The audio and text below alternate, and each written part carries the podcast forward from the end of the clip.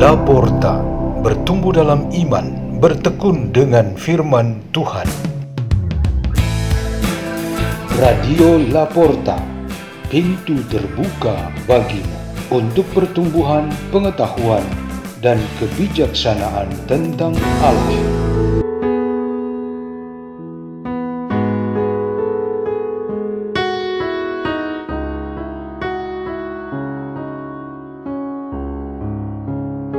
Bacaan dan Renungan Sabda Tuhan Hari Selasa Pekan Kelima Masa Biasa 7 Februari 2023 dibawakan oleh Tarsisius Tarsan dan Adrian Satrio Putra dari Komunitas Pukat Labuan Bajo, Kuskupan Ruteng, Indonesia.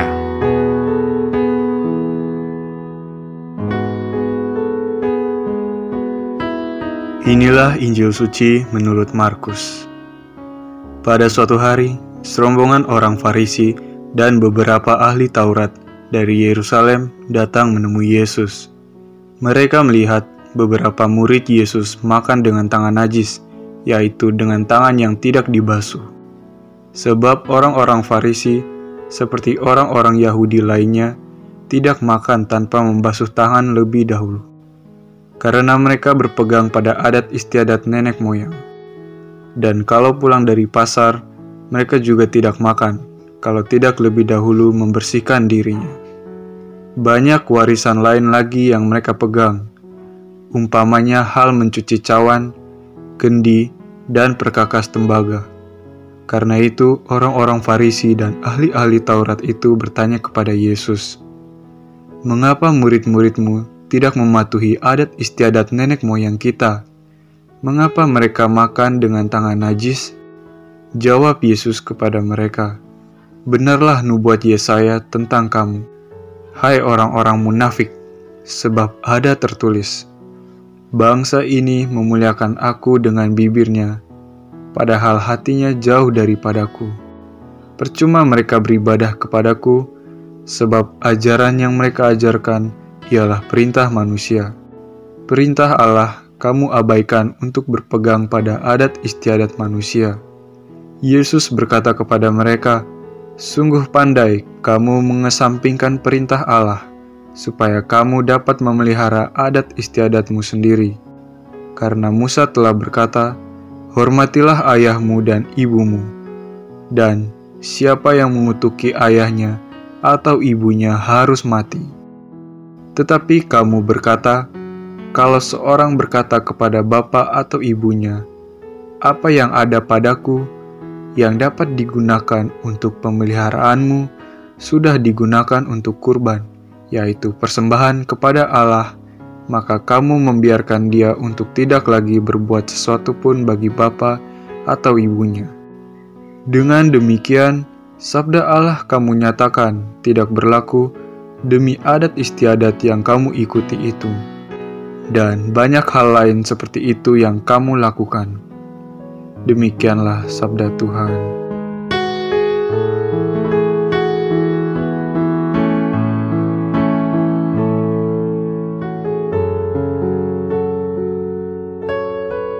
Tema renungan kita pada hari ini ialah bersihkan dunia ini dari kemunafikan. Ada satu pasangan yang baru menikah kurang dari setahun, bertengkar sangat keras Sang istri menuduh suaminya memiliki hubungan dengan teman wanita di kantor. Tetapi setiap tuduhan itu dibantah keras oleh suami. Sampai saat suami sedang mandi di kamar mandi, istri menemukan ada direct message di seluler suami yang tertinggal di atas meja kamar mereka. Istri beranikan diri untuk mengecek langsung pesan masuk itu Ternyata dugaan-dugaannya terbukti benar. Setelah mandi, suaminya langsung dikonfrontasi dan ia tidak mampu membantah lagi. Istri secara mutlak menuntut supaya suami tidak boleh munafik lagi. Ia harus hentikan hubungan tersebut dalam bentuk apa pun jika perkawinan mereka hendak dimurnikan dan dipertahankan. Sikap tegas istri tersebut dapat kita posisikan dalam kategori tugas besar Yesus yang ingin menghapus semua bentuk kemunafikan di muka bumi ini. Kaum Farisi dan para ahli Taurat adalah pelaku utama kemunafikan selama masa hidup Yesus di dunia. Mereka turun dari Yerusalem ke tempat Yesus berada untuk membuktikan bahwa Yesus dan pengikutnya melanggar aturan adat dan agama Yahudi. Aturan yang mereka tekankan ialah interpretasi manusia atas perintah Allah dari Musa. Contohnya, mereka temukan para rasul Yesus tidak mencuci tangan dahulu sebelum makan. Yesus tegas menanggapi bahwa mereka sungguh mengkhianati firman Tuhan yang sebenarnya. Misalnya perintah dari Musa untuk menghormati dan mengasihi orang tua terlebih-lebih yang menderita dan sakit di dalam keluarga sendiri. Biaya yang sebenarnya untuk mengobati anggota keluarga dialihkan untuk berbagai jenis pajak di rumah ibadat alias persembahan. Umat diharuskan untuk penuhi ini dan ternyata uangnya untuk kerakusan mereka. Jenis korupsi ini sudah menjadi mental hidup mereka bahkan mendarah daging sampai saat ini. Motivasi mereka ialah uang.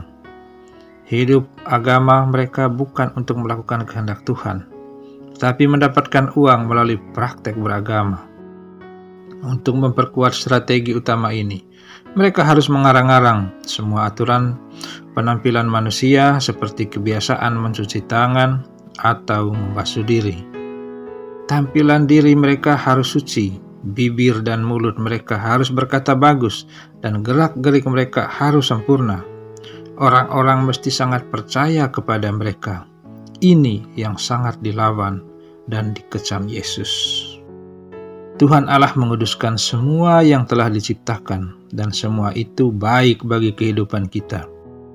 Tugas kita ialah menaati perintahnya, dan bukan sebaliknya membuat diri kita munafik yaitu menjadi Tuhan supaya dipuja orang lain. Marilah kita berdoa dalam nama Bapa dan Putra dan Roh Kudus. Amin. Ya Yesus Kristus, perkuatkanlah kami untuk mampu melawan semua kepalsuan yang kami hadapi. Kemuliaan kepada Bapa dan Putra dan Roh Kudus, seperti pada permulaan, sekarang, selalu, dan sepanjang segala abad. Amin.